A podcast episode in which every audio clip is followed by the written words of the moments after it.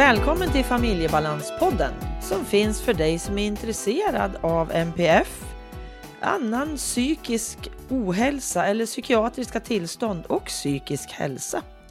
Gäst i avsnittet är Tove Eloa Öberg och vi samtalar kring anhörigskap och psykossjukdom. Hur förhåller man sig? Hur tar man hand om sig själv? Och kan man skrota skammen?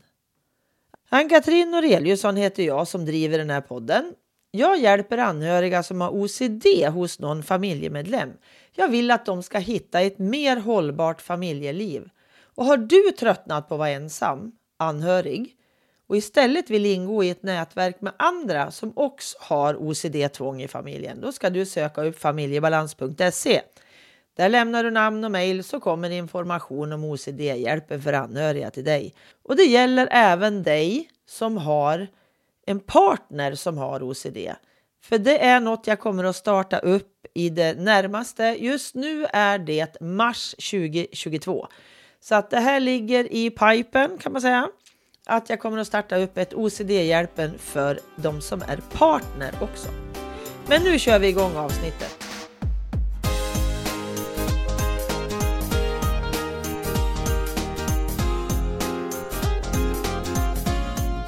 Hej Tove och välkommen till Familjebalanspodden. Hej! Tack så mycket. Det är verkligen fint att få, få vara här och prata med dig. Mm -mm. Du hör att jag sprudlar för det är lite extra rolig dag idag. Och, yes. eh, men det ska vi inte prata om nu. Det är bara det att min bok kommer då med en lastbil idag eller imorgon. Det är en sak för sig. Nu ska men vi det är ändå värt att ja, fira faktiskt, kan jag tycka. Det, ja. ja, det är stort. Men vi ska prata med dig om eh, anhörigskap.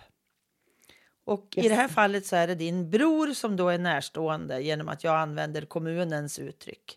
Men innan vi kommer in på det så vill jag att du först berättar lite om vem du är, Tove. Ja, och det ska jag såklart försöka att göra. Men eh, det är alltid en spännande fråga. Så där. Vad berättar man om sig själv? Vad är liksom viktigast för andra att förstå? Vad är det som är närmast just nu? Så där.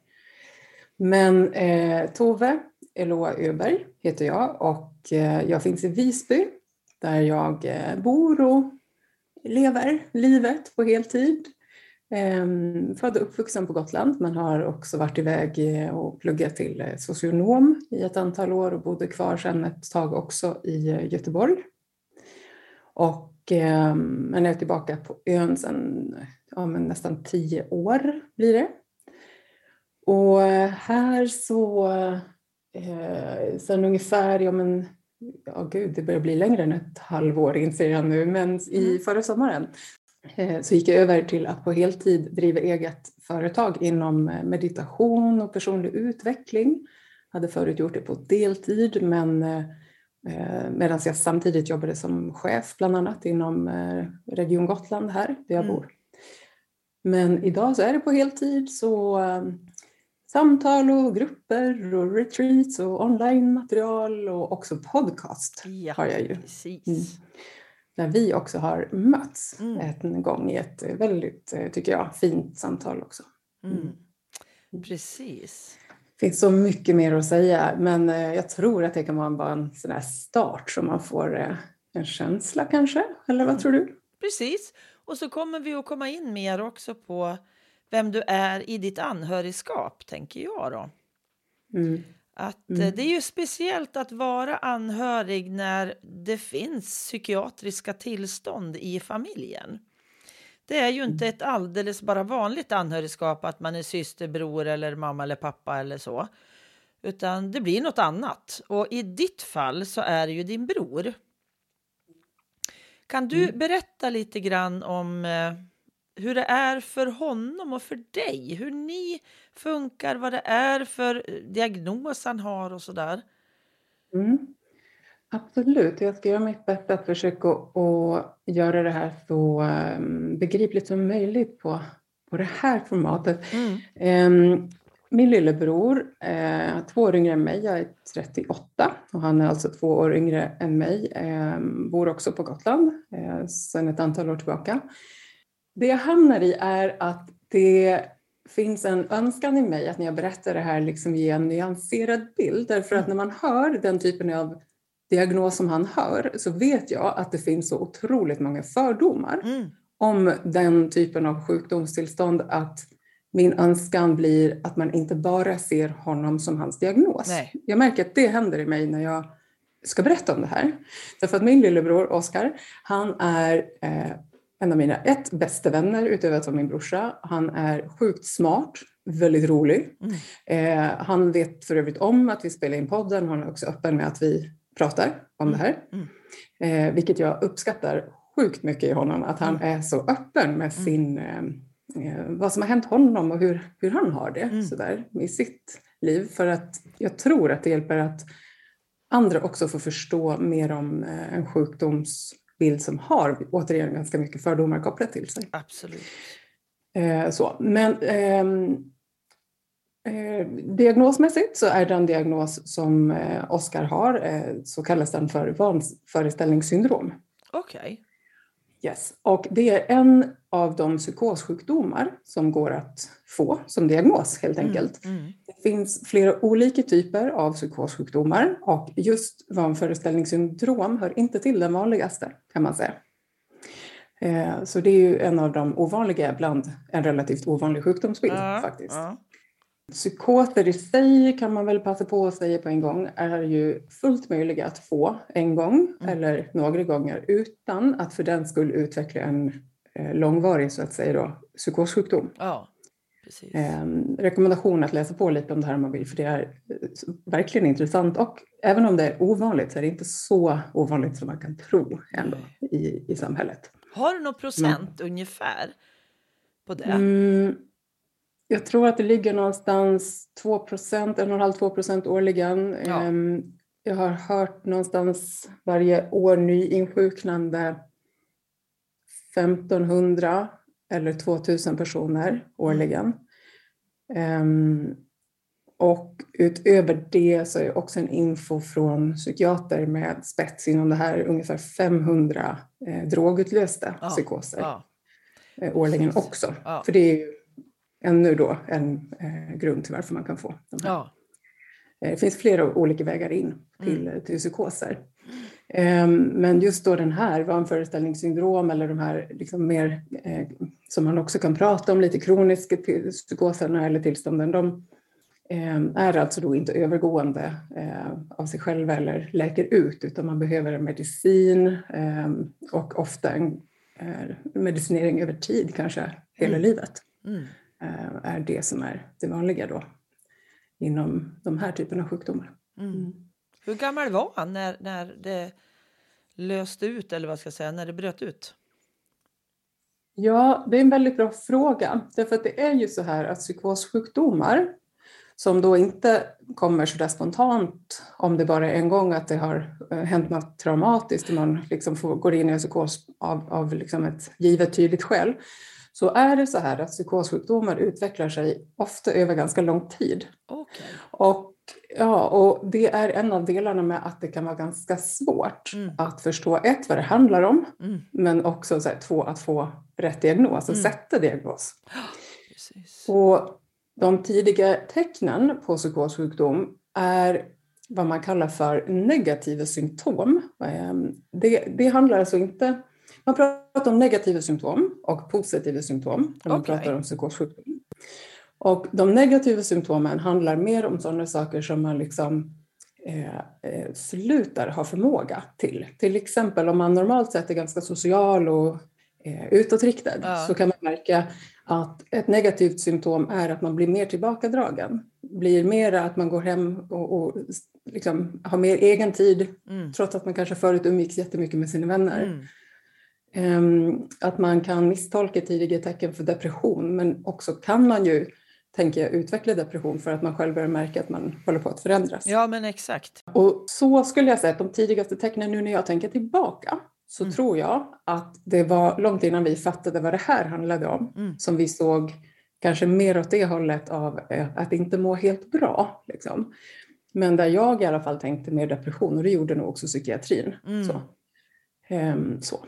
Mm. Men det som sen händer, en, det är olika hur lång tid det här är för olika människor, Men eh, för vår del var det så att eh, vi hade en, en vän till min brorsa som var och hälsade på honom när han då bodde i Göteborg som ringde till oss och beskrev att han var jätteorolig. Mm. Verkligen. Mm. Och det här är nu, måste det vara, kan det redan vara fyra år sedan?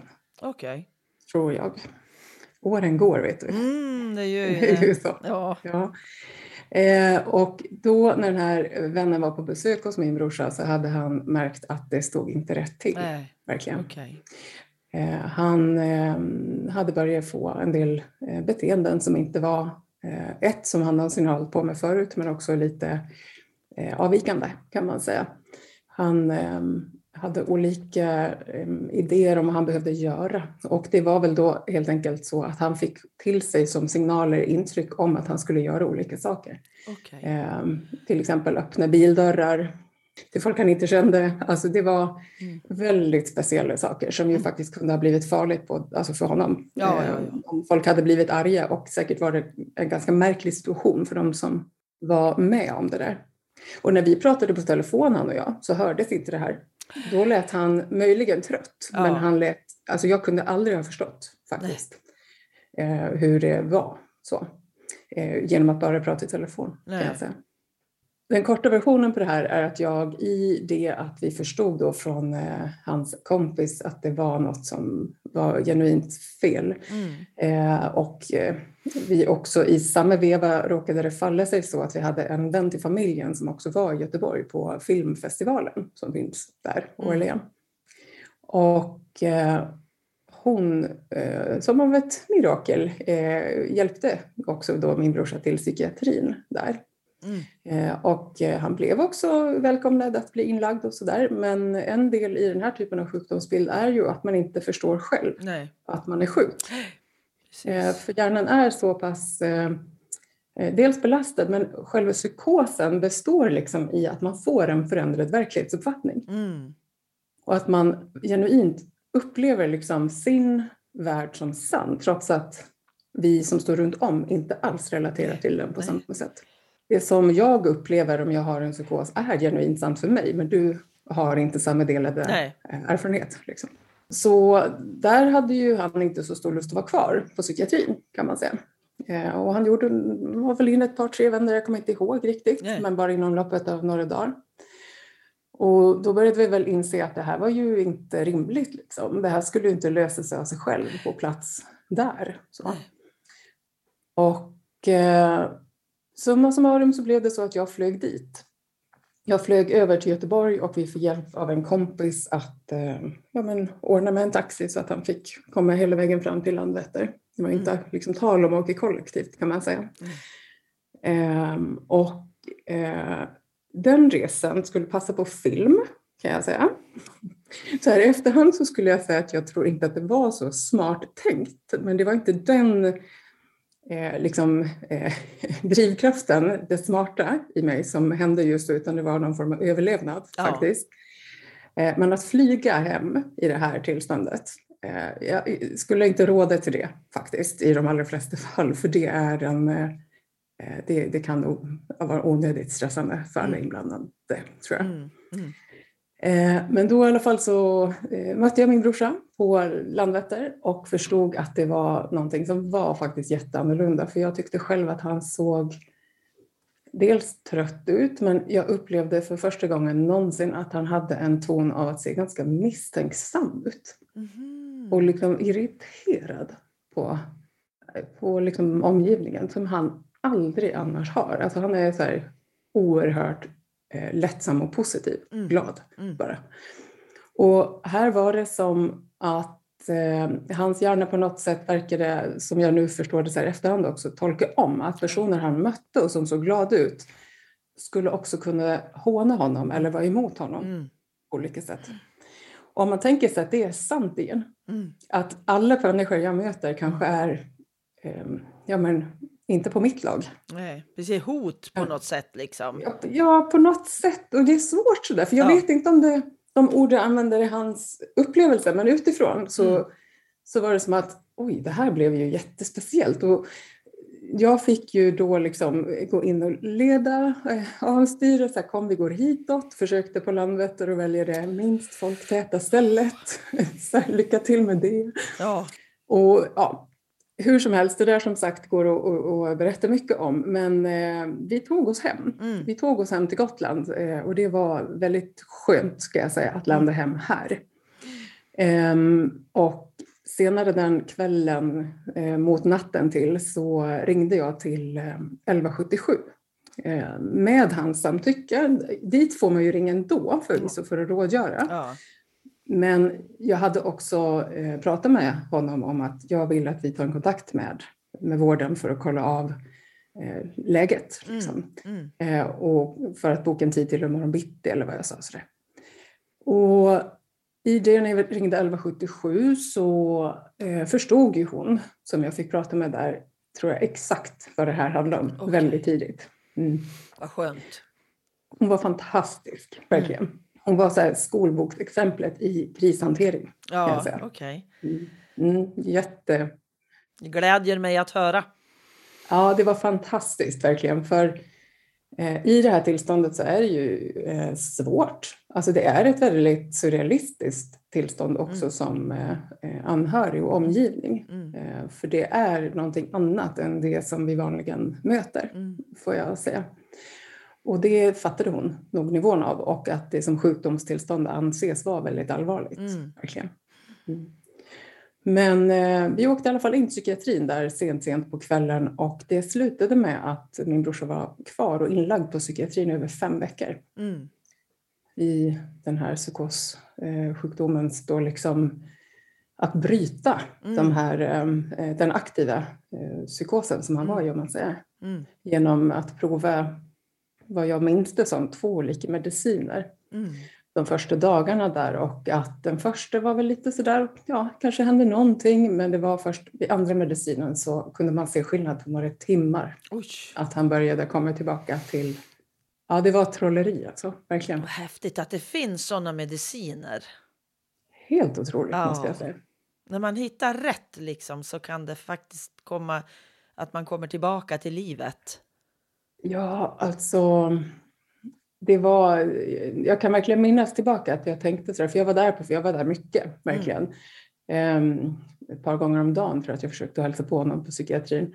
Att eh, det var så himla speciellt att se det. Från det här som jag liksom, ja men han for verkligen illa. Det Mm. var eh, genuint smärtsamt att se honom och att någon man tycker så himla mycket om Ja, liksom lider faktiskt. Så var min känsla att det här var ju en, en liksom, ja, men katastrof Mm. på eh, otroligt många sätt. Mm. Liksom. Så att se det liksom skifta Mm. på något sätt tillbaka till någonting som var lite mera eh, lugnt. Mm. Eh, Liksom, nej, det var en stor gåva.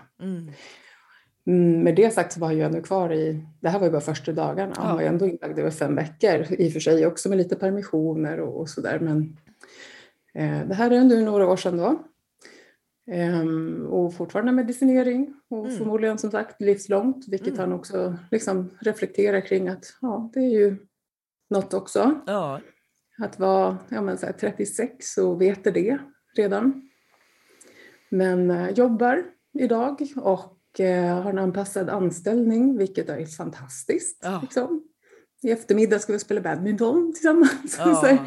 så, ehm, så ja, och att jag liksom berättar om det just nu Mm. på det här sättet utifrån hans, alltså hur jag upplever honom i Ja. sin sjukdomsbild är liksom någonstans för att eh, ge en bild av som anhörig. Alltså det, det kanske inte liksom ändå går att göra fullt ut men för mig som anhörig i Mm. det här så måste jag säga att, att se min brorsa så sjuk som han var de där eh, liksom, svåraste dagarna innan han fick medicin som hjälpte, det är av alla kategorier och allt jag har upplevt i mitt liv det sjukaste jag varit med om. Mm. Det finns ingenting som toppar hur eh, eh, svårt det var, verkligen. Och då har jag med mig lite annat att jämföra med, ska Ja. jag säga. Jag har haft en del eh, ganska stora eh, svåra händelser i min familj. Jag har till exempel en äldre brorsa som gick bort genom ett, ett våldsbrott där han blev mördad för ganska många år sedan. Okay. Och det är inte light alltså, verkligen. Det var hemskt, verkligen. Ja, ja. Eh, och, och, så det menar jag inte alls att på något sätt säga att det inte var, det var hemskt. Mm, men det säger också någonting om vidden av det här, tänker jag. Ja. Att trots att jag har varit med om dödsfall i min familj så var det här faktiskt eh, på många sätt betydligt svårare mm. för mig att vara med om. Mm. För det var också som att den här personen jag har mitt framför mig, som är min bästa vän, mm. är just nu inte här. Nej. Han har inte kontakt, han är inte riktigt den som jag nyss kände. Nej. Liksom. Nej. Och alla andra runt om, ja men han, är ju, han lever ju, han är ju, han är ju i sjukvård. Alltså, det är känslan av att inte riktigt så kunna bli förstådd heller. Nej. Och den här ensamheten i det, mm. att det här faktiskt är någonting som jag tror, och det tror jag fortfarande faktiskt, att om man inte har upplevt det här på något sätt så kan det vara genuint svårt att förstå mm. Eh, mm. Eh, vidden. Absolut. Mm. Det tror jag med. Att det för våran son också hamnade ju i ett gränspsykotiskt läge. Han mm. blev ju inte fullt ut, eller hans psykos var inte fullt utvecklad, men det var liksom hans tvång som löpte amok så att han hamnade liksom i massa vanföreställningar men kunde också då repareras med medicin som han mm. fortfarande äter. Men jag kan mm. verkligen mm. känna igen det här som du säger med det här att det är inte samma person. Han var ju mm. inte densamma, han var ju någon helt annan. Alltså det blev mm. något annat, hans personlighet var ju inte Marcus. Det var fruktansvärt att stå på sidan och jag är så innerligt tacksam att det finns mediciner som kan göra att det kopplar rätt i skallen. Mm. Att, vi kan, att det ja. finns sådana mediciner ja. alltså. Ja, en för att få tillbaka, gåva. Ja, att få tillbaka. Mm. För Marcus mår ju jättebra idag. Mm. Och det här är ju tre mm. år sedan då. Mm. Mm. Att, ja, det är fantastiskt att du säger. Och just att här, man kan ju komma till de här eh, psykotiska tillstånden av olika skäl, ja. verkligen. Men, ja. men, att de verkligen är um, Ja, men och jag tänker att det är ju någonting som också liksom när det rör en del av de här psykiatriska tillstånden, eller alla på olika sätt egentligen, mm. så att det också handlar om vår individ, vår mm. person. Mm. Och, och, att här det här med också självinsikt och, och liksom att det blir så förändrat. Um, att det blir, ja det är många existentiella dimensioner i det också. Verkligen, och just det här som vi, på, som vi gör just nu, det är ju det här med att skrota skammen, tänker jag. Mm. Vi mm. vågar prata om det och våra, din bror och min son har liksom gett tillstånd till att det här mm. behöver lyftas för att skammen ska bort. Ingen ska behöva känna att, att det är jag själv som har något. Alltså jag har ju drabbats av det här. Det här är ju inget jag önskade mig och inget jag önskade någon i familjen. Nej, gud nej. Så att nej. Det, är, det är ju någonting vi behöver bara lära oss, eller bara, det var inte alls så bara jag menade, men alltså Nej, vi men... behöver lära oss att hantera det och ta hand om den sorgen som uppstår i, i familjen och hos den som har alltså det psykiatriska tillståndet. Alltså det blir ju en sorg. Ja, jo men och det, det är verkligen sant, eh, tänker jag. Och som, som gissar jag också att som förälder så tror jag att man har en sorg och som syskon ja, en annan kanske. Absolut, absolut. Jag tror det, eller hur? Ja, alltså för jag. jag kan ju tänka eh, någonstans där, för mig så min brorsa är ju potentiellt en, alltså jag har ju i grunden då tre bröder, två kvar i livet. Och så här, statistiskt sett så skulle de kunna vara de längsta relationerna jag har i mitt liv. Mm, mm faktiskt. Det är de som är med från födsel och många, många år framåt. Ja, och det är en himla, himla nära relation och i det här liksom att ja, men, dela livet på olika sätt tillsammans. Mm. Och när någonting sånt här händer så är det klart att alltså, nu, nu gör vi ju det. Mm. Men möjligen på ett annat sätt än om han inte hade haft sjukdom. Så, så är det nog, får man väl konstatera. Men samt, jag har ingen aning om hur livet hade sett ut då, såklart. Nej. Nej. Det kan jag ju sitta och fantisera om, eller så här, nu gör jag sällan det, men om man nu tänker sig det. Mm. Så ja, okej, okay. om, om alla hade fått vara friska så hade det kanske sett ut på ett annat sätt. Det är sant. Mm. Och ehm, det tror jag man ändå behöver konstatera, och för den som är sjuk också, eller har sjukdomen. Liksom. Mm så tror jag väl att det är en ganska rimlig sak att fundera över. Mm. Mm. Och hamna i någon slags acceptans också. För att jag kan ju inte förändra det här. Jag kan inte förändra mitt barn eller mitt syskons tillstånd. Men jag kan förändra hur jag själv förhåller mig till det. Mm. Mm. Och det är inte gjort i en handvändning och det är inte lätt. Det är inget jag påstår. Så. Men, men jag Nej. tänker att det har gjort att jag orkar nog mer än vad jag tror att många andra gör som har det. Nu har ju vi mer än bara med en, en eh, den här händelsen liksom. Det är ju så mycket mera runt Marcus och hans tvång. Men jag tror hade inte jag accepterat det här kan inte jag förändra. Jag kan förändra hur han har det runt omkring sig till en viss mån. Men jag kommer aldrig att kunna rädda honom ifrån hans psykiatriska tillstånd. Eller, men, men jag kan göra mitt bästa på andra sätt. Vissa saker kan jag ändra på, men väldigt lite egentligen. Och då får jag, ja, that's life liksom. Det låter ju mm. jätteenkelt, men det har det ju inte varit. Men, men... Det låter både enkelt och svårt tycker jag. Ja. En del av mig kan tänka att det är lätt för att det är, så, det är sant nu när jag hör dig. Men mm. när man är mitt uppe i, beroende på fas mm. i kanske mm. anhörigskap också, så tror jag att det där kan kännas verkligen olika. Ja. Mm, så, och att vi kanske som anhöriga behöver lite olika saker tror jag, absolut. beroende på fas också. Mm, absolut.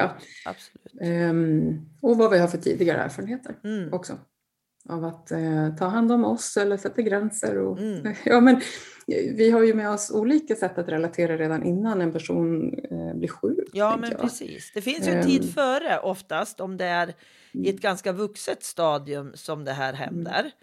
Mm. mm. För är, är det mm. små barn då kanske det inte är psykostillstånd men det kan ju vara andra svåra saker som händer. Och då har mm. man kanske inte så mycket tid innan som man vet hur var det förr.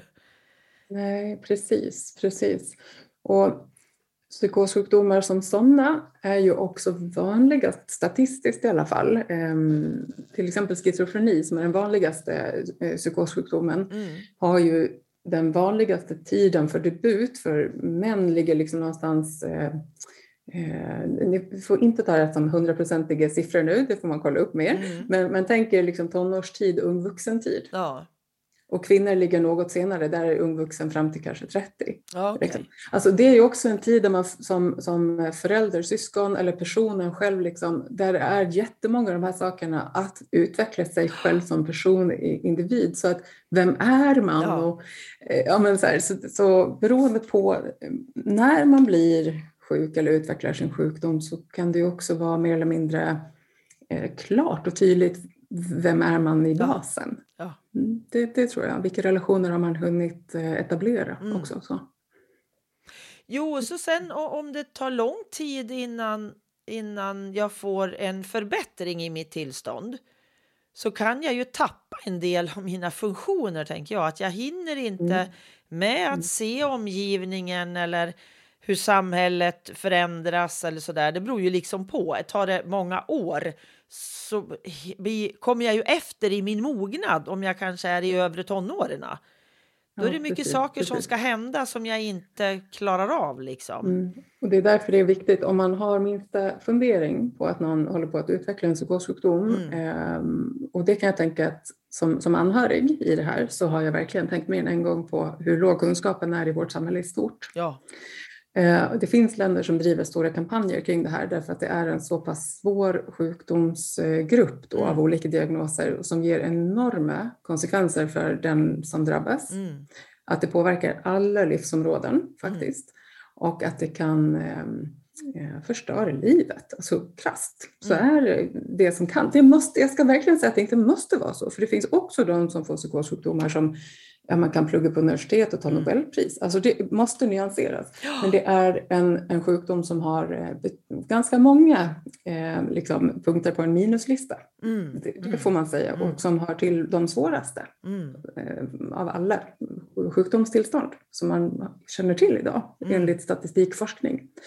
Och att då få tidig upptäckt gör jättestor skillnad för mm. återhämtningen som man pratar om.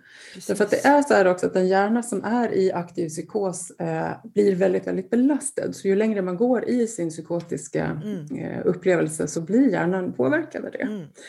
Så man kan alltså få större funktionsnedsättningar mm. för varje psykos. Så. Och där är jag evigt tacksam att min brorsa ju på, alltså han var ju med på att åka till psykiatrin. Ja. Um, och jag är genuint tacksam för det, för det mm. är ju något annat om man inte vill det. Ja, men exakt, absolut. Visst är det så. Men alltså, då får man ju gå in med alla tänkbara sätt som man kan nå fram. Att se att det kan bli ett annat. Att, att man kan nå fram till att... Alltså, vet inte hur jag ska förklara, för jag pratade ju mycket då med Marcus. Hur vill, hur, hur vill du, vill du vara kvar i det här? Du mår inte bra. Jag ser jättetydligt att du inte mår bra.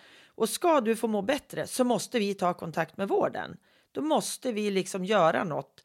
Så att med, med och han fick ringa själv, men jag satt ju med, eller vi föräldrar satt med, så att han skulle ringa 1177 själv för att ta kontakt, för att också då känna att han ändå hade makten att det var han som ringde, det är inte jag som ringer över huvudet på honom. Men är det riktigt illa så kanske jag måste det som anhörig. Mm. Då måste mm. jag ringa i alla fall liksom och säga vad gör jag? Hjälp mig! Ja, det behöver man göra. Faktiskt. Ja. Och i psykos, eh, psykotiska tillstånd så är det ju också så att rekommendationen är att om man inte lyckas eh, komma till vård liksom, frivilligt, att man kan behöva ringa polisen mm. för att få hjälp med vårdintyg och alltså tvångsvård. Eh, mm. Det är inte säkert att man får igenom det, men, men det kan bli aktuellt i det här. Ja. Man diskuterade det ett tag här också faktiskt, men eh, det, det löste sig på annat sätt ja. utifrån tror jag väldigt mycket att eh, jag och min brorsa har en jättenära relation mm. och han litar på mig ja, så pass mycket att eh, det höll. Mm. När jag eh, på något sätt, eh, det, det, vet jag såklart inte om det var hela, men jag tror att det bidrog. Det bidrar säkert jättemycket, um, tänker jag. Och att jag fick ha kvar det förtroendet större delen av hans eh, person tyckte i alla fall att det fanns en tillit. Sen fanns det en del, vill jag minnas, mm. som, av de dagarna där det inte var självklart för honom att jag var med på det goda laget, kan jag säga. Mm. Eh, där, eh, vi minns det på lite olika sätt idag, han och jag. Oh. men att för mig så var det liksom, i min upplevelse så att han tänkte att jag absolut kunde vara en person som skulle kunna förgifta honom. Mm. Eller så. Mm. Med den här mackan jag hade med mig till psykiatrin som jag egentligen på riktigt inte var särskilt sugen på. Men vad gör man på psykiatrin? Man fikar. Om ja, man ska ha något ja, att göra. Så, ja. så, jag köpte väl fika för att. så jävla trött på fika efter fem veckor. Men, mm. men eh, eh, han minns inte på samma sätt. Eh, mm. men, men, för mig så, så var det verkligen upplevelsen. Mm. Och det är också en ganska märklig sak att någon man litar med, liksom på med sitt liv bokstavligen mm. mm. Eh, kanske kan bjuda på en macka som är, ja, du hör, det, mm. det är verkligen, verkligen märkligt. Jo, men och jag tänker också då anhörigperspektivet då som vi har, just det här mm. hur ledsen man blir när det inte funkar. Mm. Hur förtvivlad man kan känna sig när det är den här människan som man litar så mycket på, alltså på mamma eller lilla syster eller stora syster. Och så känner man inte mamma eller stora syster att de litar på en längre. Det var jättejobbigt tyckte jag. Alltså, det är ju fruktansvärt. Ja. Alltså, det, det är ju som att något blir trasigt ja. igen på något sätt. Och där har jag genuint behövt att vila i att det här är inte eh, den friska, det är inte min brorsa, punkt. Liksom. Det här är sjukdomen. Ja. Eh, och det tror jag är en viktig sak att skilja på person och sjukdom, även ja, om de ja. går ihop sig. Så ja. det är svårt. Liksom. Men min brorsa är inte sin sjukdom. Nej, liksom. Han har en, eh, mm. en sjukdom. Och jag har ju själv en ADHD. Jag är inte Nej. ADHD, jag har ADHD. Alltså, och för mig är det en, ja, alltså det är det. Sen kan man ju ändå bli frustrerad och känna massor. Ja. Det kan man få göra. Liksom. Det tror jag är sunt i och för sig. Sen kan man väl ta ut det på andra personer mm. hellre. Um, men, men uh, absolut, svårt. Mm. Mm. Svårt att vara med om och, och um, att, att det är förändrat så som man tidigare just då relaterade uh, till varandra. Mm. Jo, man får liksom lära mm. om bitar mm. hos sig. Att uh, det blir något annat sen. Men det behöver ja. inte vara bara dåligt heller. Utan det blir något annat. Man behöver inte värdera det liksom. Utan det är en ny situation. Ja, och hur den situationen ser ut den här veckan eller Nej. om en månad eller om ett år, det är också olika. Ja. Och det gissar jag att många som lyssnar kanske kan relatera till, att när vi har det som körigast så mm. tror vi att alltid kommer vara på exakt ja. samma sätt. Ja. Och det är ju sällan sant faktiskt, även om det känns så och det mm. hedrar jag hundra procent, jag känner igen det. Mm. Men, eh, och jag kan, handen på hjärtat, så det som idag är möjligt att liksom få uppleva i mig och, att, och i min brorsa, så här, att det trodde inte jag. Nej. Jag trodde aldrig att det skulle hända. Det, det är ett mirakel på många sätt. Mm. Och de, inte som i att det bara kommit till honom. Han har gjort otroligt många rätt i sitt liv mm. eh, de här sista åren för att vara det han är idag. Mm. Det är mycket jobb som ligger bakom det. Mm. Men det är fantastiskt. Mm. Liksom. Och hade jag ens förstått att det var möjligt då så hade jag sparat mig själv ganska mycket lidande. Ja. Alltså. Det måste jag säga. Mm. Så, alltså lite skicka in hopp till den som ja, lyssnar nu. Att det, ja. det, det, är möjligt faktiskt. Jo, och det är så lätt att hamna i det där att det kommer alltid att vara så här. Och det är väl mm. det som är mest sant. Det kommer inte att vara exakt likadant hur länge som helst. Så är det, för vi åldras.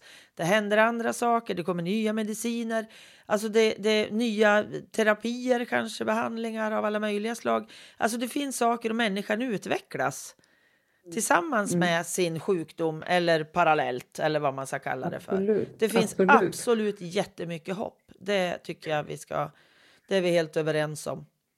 Ja, det känns som en jätteviktig sak att säga och, mm. och för mig när jag liksom säger det och nu när vi pratar om det så samtidigt som det finns ett hopp och jag upplever allt det här goda idag så är det också en del av mig som kan absolut ha en liten beredskap för framtid. Mm. Det skulle jag ljuga om jag sa något annat. Mm.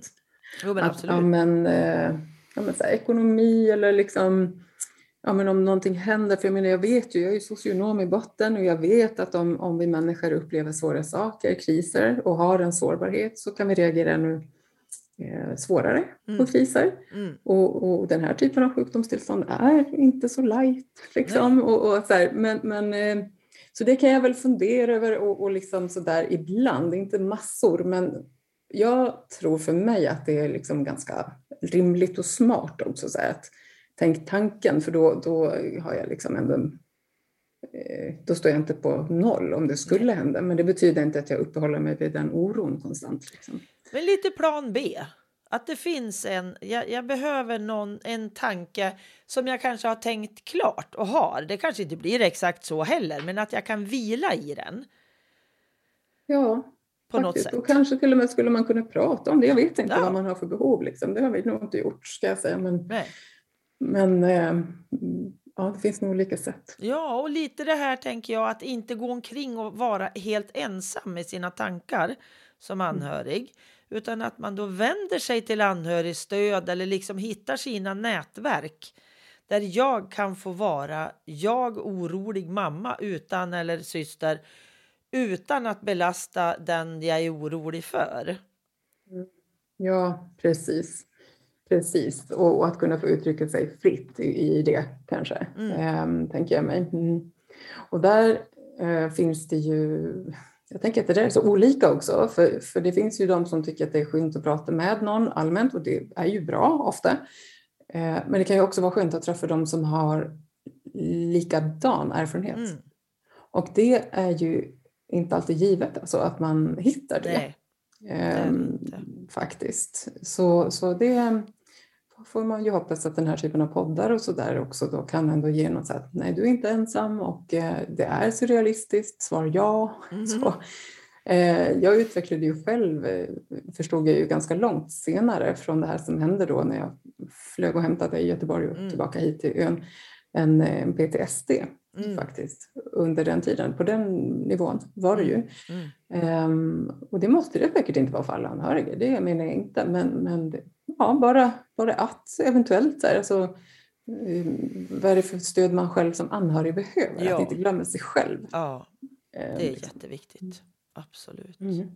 Mm. Men vidare då, då, hur har du tagit hand om dig själv? För du jobbar ju mycket med meditation, mindfulness, du har retreat, du skogsbadar, eller hur? Sitter gärna ute och eldar. Ja, det gör jag i alla fall. Ja, precis. Ja, men naturen natur. är ju läkande för dig. Hur, hur, mm. gjorde du något då eller har det kommit senare eller har du alltid varit den här som mm. har tagit väl hand om dig i fråga om ditt, ditt mind och hela ditt system liksom ja. sådär? Nej, det är, det är en bra fråga och svaret är väl eh, spontant så här, nej, jag har absolut inte alltid tagit hand om mig som jag gör idag. Det, det tycker jag nog inte. Sen har jag nog hela mitt så här, som, liv som jag minns haft en, eh, ett intresse för min, mitt inre och min andlighet och min eh, existentiella dimension här på jorden. Det har jag haft med mig och det har jag väldigt mycket stöd i sen tidiga tonår. Men då fick jag ju som sagt också utmana det en hel del när vår, eh, en av våra brorsor dog. Mm. Eh, fick jag ju testa en del av de strategierna får man eh, säga. Lite så här eh, skadad av, av att livet ja. hade hänt då redan. Eh, men det som eh, kan vara bra att veta att när min lillebror blev sjuk i det här så jobbade jag ju i anhörigstödjande verksamhet. Mm. Jag jobbade alltså då heltid som anhörigkonsulent som ju är en tjänst som, som finns i, i många kommuner. Man kallar det här lite olika saker men mm.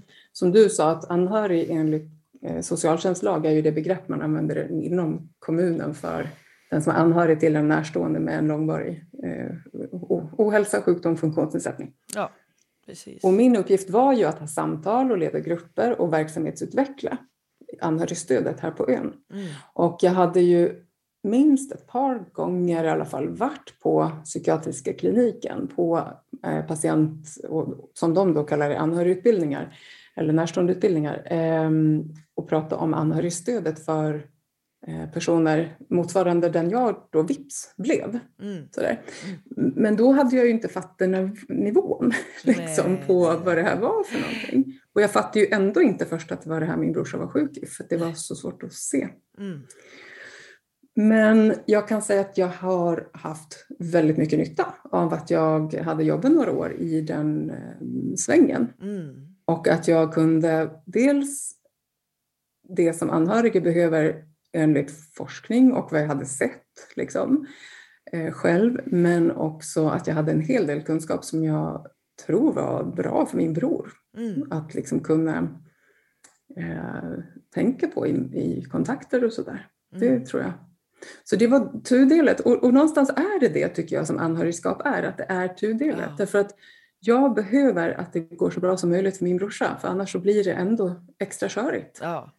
Alltså för hans skull men också för min. Ja. Alltså det hör ihop. Ja. Men jag vet att jag i det under de här veckorna som var att i någon av kontakterna jag och min mamma har, för att vi bor allihop här på ön, vi har en brorsa på fastlandet då, men, men vi som finns på plats här, så var det någon av dagarna där jag uttryckte att nu orkar jag inte prata mer om det här. Nu ska jag göra något kul. Jag ja. måste bara stänga av och nu ska jag ta hand om mig själv. Så mm. Och det tror jag är inte givet att göra faktiskt. Nej. Eh, men jag visste, alltså någonstans här, jag dör om mm. inte jag gör det här. Jag kraschar. Mm. Och det finns ingen som känner på det. Jag vill inte, men han, ingen annan mår bättre av det. Och det tror jag, jag är inte säker på att jag hade sett det så om jag inte hade jobbat det jag gjorde. Nej. Faktiskt. Bo Heilskov, ha, ja, Bo Heilskov har ett jättebra uttryck på det här. Att eh, man eh, är olika rephållare. Vem mm. håller i repet idag? Att mm. alla ska inte gå och småhålla i repet utan det kanske är en som har, jag ansvar idag när vi har riktigt svåra psykiatriska tillstånd eller andra somatiska sjukdomar också tänker jag. Att mm. Alla behöver inte stå på tå och hålla då lite grann i repet i olika ändar. Det kan faktiskt vara så att vi byter, så vissa dagar har jag inget ansvar alls. För så gjorde jag och min man. Att mm. vi bytte plats. För jag sa det, nu, nu, jag sa som du, nu orkar inte jag. Jag är så slut alltså så jag håller på och går under. Så då sa jag till honom att nu får du ta repet för jag fixar inte det just nu. Jag är ingen bra mamma om jag ska fortsätta just nu. Så jag måste få göra något annat. Och jag tror vi måste mm. bli jättetydliga på det. Alla i alla fall som kan byta rephållare. Att man, då får vi hitta någon annan som kan byta av oss ibland i alla fall. Om vi nu är den här rephållaren som egentligen alltid har ansvaret. Men någonstans så måste vi få lite tid för oss själva. Ja, det, det är så jättesant. Sen Mm. säger jag inte att det är bara lätt och det skulle säkert kunna vara möjligt att ha den där egna tiden och inte tycka jättemycket om den. Alltså, ett, alltså, det går ju också, Ja. men, men jag vill ändå skicka med det att det är fullt möjligt att också eh, ja, men så här, ett, fortsätta. Alltså att man faktiskt fortsätter att göra det trots att det känns konstigt eller egoistiskt eller vad det nu Ja. kommer upp för tankar. För att det är viktigt. Ja, alltså Ehm, vi kanske inte håller. Då kanske vi brakar och det är ju inte det som är... Det, det gagnar ju ingen. Nej, det gör inte det. Och, och det kan ju också bli tvärtom, att det faktiskt blir kontraproduktivt att vara för nära och insyltad. För det, det finns ju mer än ett exempel på där det har hämmat människors återhämtning och ja. Där vi som anhöriga går för nära och att det blir kladdigt. Ja, Att vi tar över ansvar på ett sätt som inte blir så bra faktiskt för den som eh, eh, har sin eh, återhämtning pågående. Liksom. och det är väldigt Så det lätt. finns också, ja det är lätt att halka Ja. dit. Alltså. Mm. Så det, och jag, jag vet, det kanske jag också, det vet jag inte. Liksom. Men, men lite grann att, ehm, att, att vara lite öppen för det, liksom Mm. perspektivet. Så här. Mm, Är det kanske till och med en gåva mm, till den som man lever nära, att den får, eh, genom att jag tar hand om mig så visar jag att jag har tillit också. mm. Kanske. Så. Ja, Och, och sen vill jag säga, alltså, och det säger nog både utifrån det egna privata anhörigskapet, verkligen, men också utifrån att ha mött väldigt många anhöriga ju, mm, eh, både i mitt företag och i tidigare tjänster som har kämpat, mm, också med det här med självmordsnärhet och, och sådana här saker. Mm. Vi måste få släppa det där repet till någon annan även då faktiskt. ja, Det är möjligt att vi kan behöva hålla repet ganska hårt ett visst antal dagar när det är någon akut kris som har hänt. Eller så här.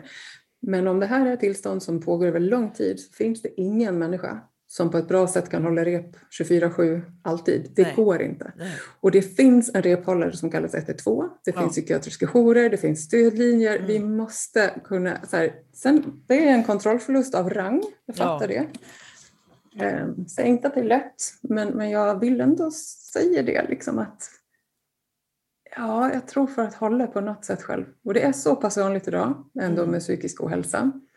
Eh, att, eh, att det är faktiskt en ganska viktig sak att öva på det här i litet och stort. Alltså. Mm. Och jag skulle vilja flika in med det här också, för jag hör ju jättemycket i OCD-hjälpen och där jag jobbar då nära anhöriga som har någon med tvångssyndrom i familjen.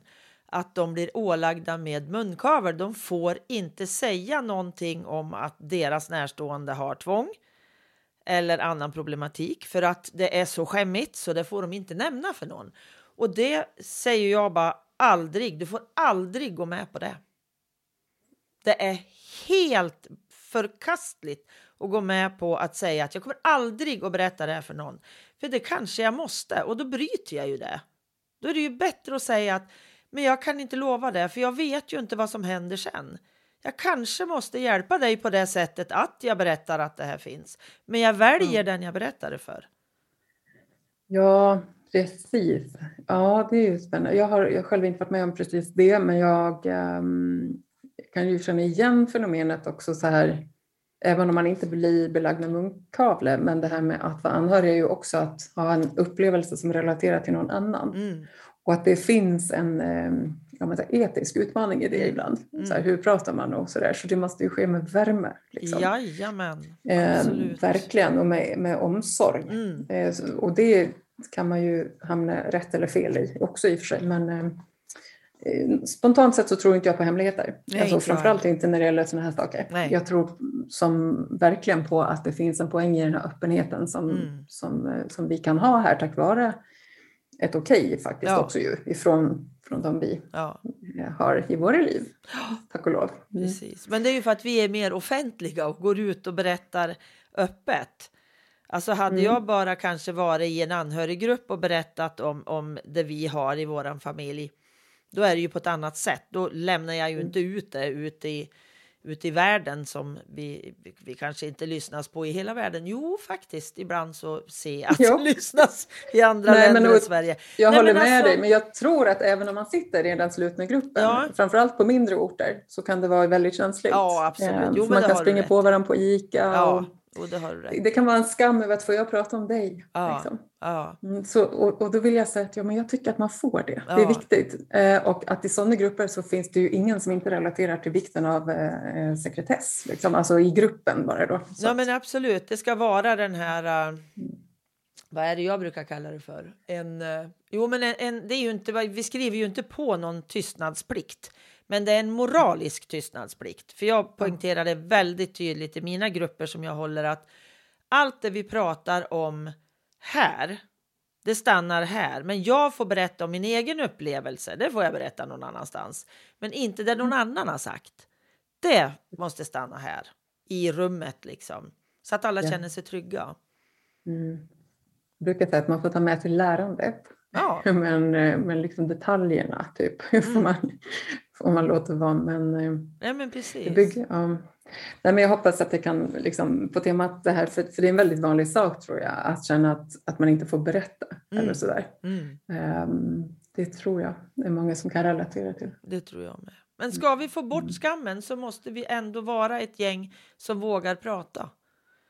Ja, Som och vågar jag visa önskar det verkligen. Och jag tänker att det handlar både om anhöriga, men det handlar också om den som har, Mm. har eller blir sjuk. För Mm. det handlar också om att vi kan utveckla eh, samhället, Verkligen. tänker jag, och vården mer. Verkligen. Mm. Och, och ta bort en hel del fördomar om att det här är kopplat till intelligens. Man bara, nej, verkligen inte. Eller de här, ja, men mass, det finns så mycket sånt där liksom, som, som jag tänker fördomar, myter kring eh, ja, många saker. och och att, att försöka lite grann eh, fila av kanterna på det tycker jag känns väldigt viktigt. Liksom. Ja, Det är verkligen så. precis. Precis. Men, eh, men du frågade också förut lite om hur gjorde du eller vad gör du då för att ta hand om dig? Så där. Mm. Jag tänker att för det är lätt att hamna tillbaka i, i liksom de här man brinner för de här frågorna och vill förändra. Liksom. Och, och det Ja. är en del av det i och för sig för mig. Att, att det gör skillnad för mig att jag får uppleva att det som har varit eh, utmanande eh, kan få ge värde till någon annan. Det är någonting typ rikt för mig. Att det gör någonting med, med min hälsa. Liksom. Det, är det bättre, det tycker jag faktiskt. Men det är ju inte som att jag bara är det. liksom.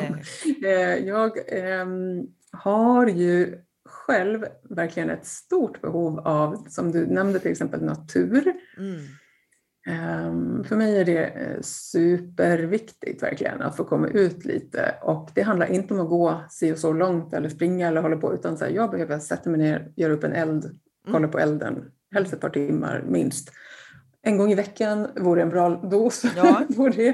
det är inte alltid jag får till det. Men, men det är genuint eh, eh, livsförändrande när jag får några sådana stunder. Mm. Men sen är det också så här, skriva, eh, måla, rita. Och det handlar inte om att det måste bli snyggt kan jag säga. Nej. Eh, för den som är lite nyfiken på att bara utforska. Eh, för, för mig så i den här liksom anhörig, just om man tänker sig det perspektivet när vi pratar idag, så ganska mycket som pågår i hjärtat, hjärnan, huvudet, kroppen. Och att bara sitta och vara still, alltså jag vet inte, det, var inte, inte riktigt det som har varit min eh, skarpaste här, väg till att må bra, utan mer att få umgås med vänner, skapa, eh, sjunga, vara i kroppen, dansa. Alltså tillbaka till kroppen på olika sätt skulle jag säga Mm. faktiskt. Det tycker jag är jätteviktiga saker. Mm. Sen om det är fem minuter och just det att det inte är alltid så långa stunder. Nej. Mm, jag håller med. Jag började ju brodera jag som 65-åring. kan man ju näst... oh, jag var nog 65 när jag började. Och det är fantastiskt. Genom att jag jobbar med händerna i hela mitt liv. Jag har ju gjort Mm. löständer i 40 år nästan. Och eh, jag Mm. fick ju liksom abstinens i händerna. Jag höll ju på att åt upp mina händer när jag inte jobbade med händerna. Nu när jag har suttit så mycket vid datorn och hållit på med sådana saker. Så nu för ett, eh, ja det är ett antal månader sedan, kanske förra sommaren eller något sånt där, så började jag brodera och fritt. Alltså det är bara som jag har lust och det är definitivt inte fint jämt. Ibland blir det rätt snyggt så jag blir jättenöjd Ja. och coolt och sådär. Men inte alla gånger, absolut inte. Och det är inte därför jag gör det, utan jag gör det för att händerna ska få ett utlopp. Och då är jag i det jag gör. Och det behöver min hjärna om hela min, min återhämtning behöver få göra saker som är kul. Och jag gillar ju också pussa och krama träd och sådär. Och elda är ju också en passion liksom. Det är, Mm, det är fint. Det är, ja, Det är eld fint. är, jag är ju lite pyromanaktig utan att bränna ner hus. Men alltså jag älskar ju det här att gå ut och sätta mig och elda jag med. Mm. Det är härligt. Det har, någon, eh, det har någonting väldigt gott alltså. Ja. Det måste jag säga. Jo, men jag tror det Och- och- handlar om våran, alltså våra reptilhjärnor. Ja. Vi är ju där egentligen, vid, vid Ja. elden.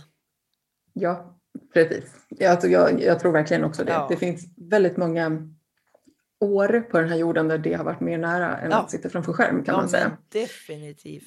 Eh, Så, och eh, för eh, moderna människors hjärnor med ganska mycket intryck så är ju de här artificiella intrycken vi håller på med mer, faktiskt mer belastande än vad Mm. naturen är. Mm. För det handlar också om hur hjärnan behöver lägga energi på att koda av Mm. eh, saker. Så att natur är ju medicin, alltså det är Mm. verkligen konstaterat så. Ja, och sen finns det också en existentiell dimension i naturen, det tänker jag, att hitta stöd i.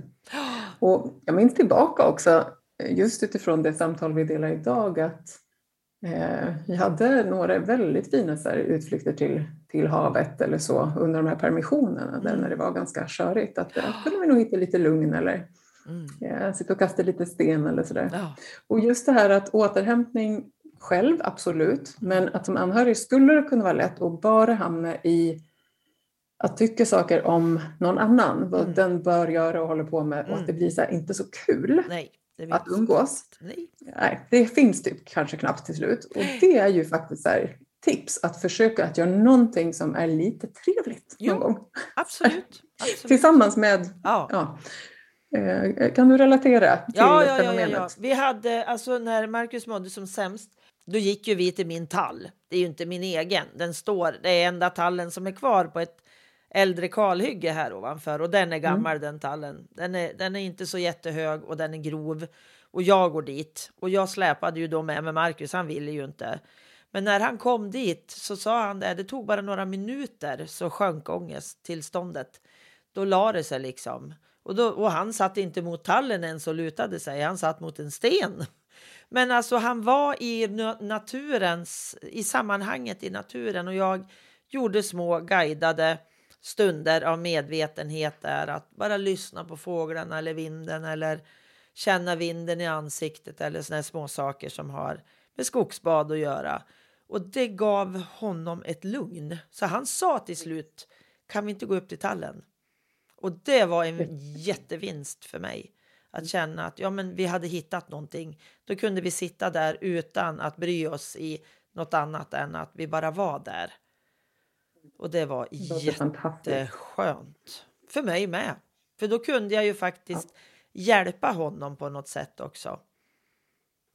Ja, och på ett sätt som jag hörde liksom inte kostar dig någonting. För ibland kan vi ju hjälpa och det kostar lite. Ja. Sådär. Men, men det där fina är att hitta sätt som ger båda två. Mm. Liksom. Eh, Och sen är det ju också så att vi som människor, det tänker jag också när jag hör dig, att vi människor, eh, våra kroppar pratar ju med varandra. Alltså Mm. nervsystemet läser ju av hela tiden omgivningen. Och om vi liksom, om jag själv väljer att umgås med dig i ett rum så att säga, där jag känner att jag mår bra, känner mig lugnare, så kommer det också smitta lite Mm. till dig. Mm. Så ju mer jag är i mitt lugna, sköna, Mm. eh, så kommer det liksom faktiskt ge positiva eh, effekter Mm. till dig. Eh, så känner man ju inte alltid sig så lugn och skön, kan vi konstatera. Då får man vara snäll med sig själv i det. Ja, men men, men, men det är faktiskt så. Att, Ja. att det är på nervsystemnivå så kan vi göra en hel del med att eh, eh, ta hand om Ja. vår egen liksom, energi eller oro eller Ja. glädje. Liksom. Precis. kan man ta hjälp med om man har utmaningar med det såklart. Mm. Men ehm, det är lätt att det här låter så lätt tror jag. Ja. När man men pratar om det. Ja, alltså det är på två vis tänker jag. För egentligen så är det så finns det enkla saker att ta till som kan hjälpa mer än vad man trodde från början. Att kanske bara gå bredvid varann sakta istället för att sätta sig mitt emot varann över bordet. Utan att vi är jämsides. Då behöver jag liksom inte bli att det blir så jobbigt att jag tittar på att någon sitter och glor på mig heller. För det har också varit en sån där grej för oss att då har vi suttit i bilen kanske och åkt en sväng. Om det funkar att man gör det. Vi får ju, man måste ju hela tiden hitta sina egna grejer liksom som, som kan ge ett lugn någonstans. För det Ja. finns enkla saker även om det inte är lätt. Ja, precis. Och, och att hitta de vägarna Mm. om det är så att det förändrar sig. Och för mig vet jag också att ehm, en del av, av de här senaste åren har ju varit liksom att släppa idén om hur en relation ska se ut. Alltså Mm. hur det såg ut förut och hur det Mm. är idag. Och det förändrar sig också ska jag säga. Mm. Men mm, ett tag kunde det vara så till exempel att nej men om vi bjöd på middag så, så kanske min brorsa inte orkade stanna längre än fem minuter. Nej. Alltså. Men samtidigt så han var där. Liksom. Ja. Mm. Så här, Alltså, det är ju fantastiskt. Mm. Så, men idag är det inte så. Alltså, det, liksom, då kan det vara att, att vi går på restaurang och äter längre. Ja, Mm. men, så här, och, och att, men jag vet, det kommer upp till mig nu så där, att just det, det var ju också så att eh, ja, men kanske på temat sorgen eller förändringen att ja, men okej, så här hade det inte varit förut. Nej, det är sant. Mm. Men nu, just nu Just så ser det ut på det här sättet. Mm. Ja. Ja, just nu är två bra ord i följd. Just nu är jättebra. Mm. Mm. Vi kanske ska Ja, stanna viktigt. i just nu. Ja, om de två orden får följa med så, så känns det väldigt rätt. Mm. Mm. Det är häftigt ibland. Att det faktiskt kan Mm. få vara så att det, det finns riktigt bra ord. Inte alltid, men ibland. De där två orden är på riktigt de Mm. mest hjälpsamma jag vet, Ja, tror jag. Eh, faktiskt, för att just, just, just, just nu så även om det hade varit kris och katastrof i mitt privata liv nu så hade det den här sekunden inte behövt att vara det. Nej. det. Jag menar ju inte att det inte kan vara jobbigt om en stund, men att den här stunden, bara få andas en sekund kan Mm. vara så himla hjälpsamt Mm. faktiskt då. Och jag menar just nu lever vi i en tid där det händer ganska mycket svåra saker Ja. på jorden. Får vi konstatera. Ukraina och Europa, alltså det, Ja, det är svårgreppbart. Ja, minst sagt. Och, och Mm. även i det så det här just nu att få samla hem till sig själv, så Mm. upplever jag det. betyder inte att jag inte bryr mig om det som händer. Eh, eller har känslor inför det och vill göra saker, men att jag får mm, tillbaka lite av min kraft. Mm, Typ så. Mm. precis. Mm. Hoppas det kan landa hos någon av er som eh, lyssnar, Mm, tänker jag. det hoppas jag med. Jag tror vi avrundar där. Tack Det Tove låter rimligt. Ja, Tack. men tack själv. för att tack du själv. ville vara med. Fint att få ehm, dela lite om det här och hoppas att det kan vara ja, men både hjälpsamt för den som kanske har en egen eh, motsvarande erfarenhet eller för den som bara har lärt sig något nytt, vad vet jag. Mm, precis. Fint. Mm. Vi säger tack och hej. Mm, tack och hej, ha det fint. Mm. Tack för att du lyssnat. Tack till Pelle Zetterberg för musiken, Pernilla Wahlman som fotade, Marcus som fixade poddloggan och till Anders för att du redigerar mitt prat. Och hoppas vi hörs igen. Hej då!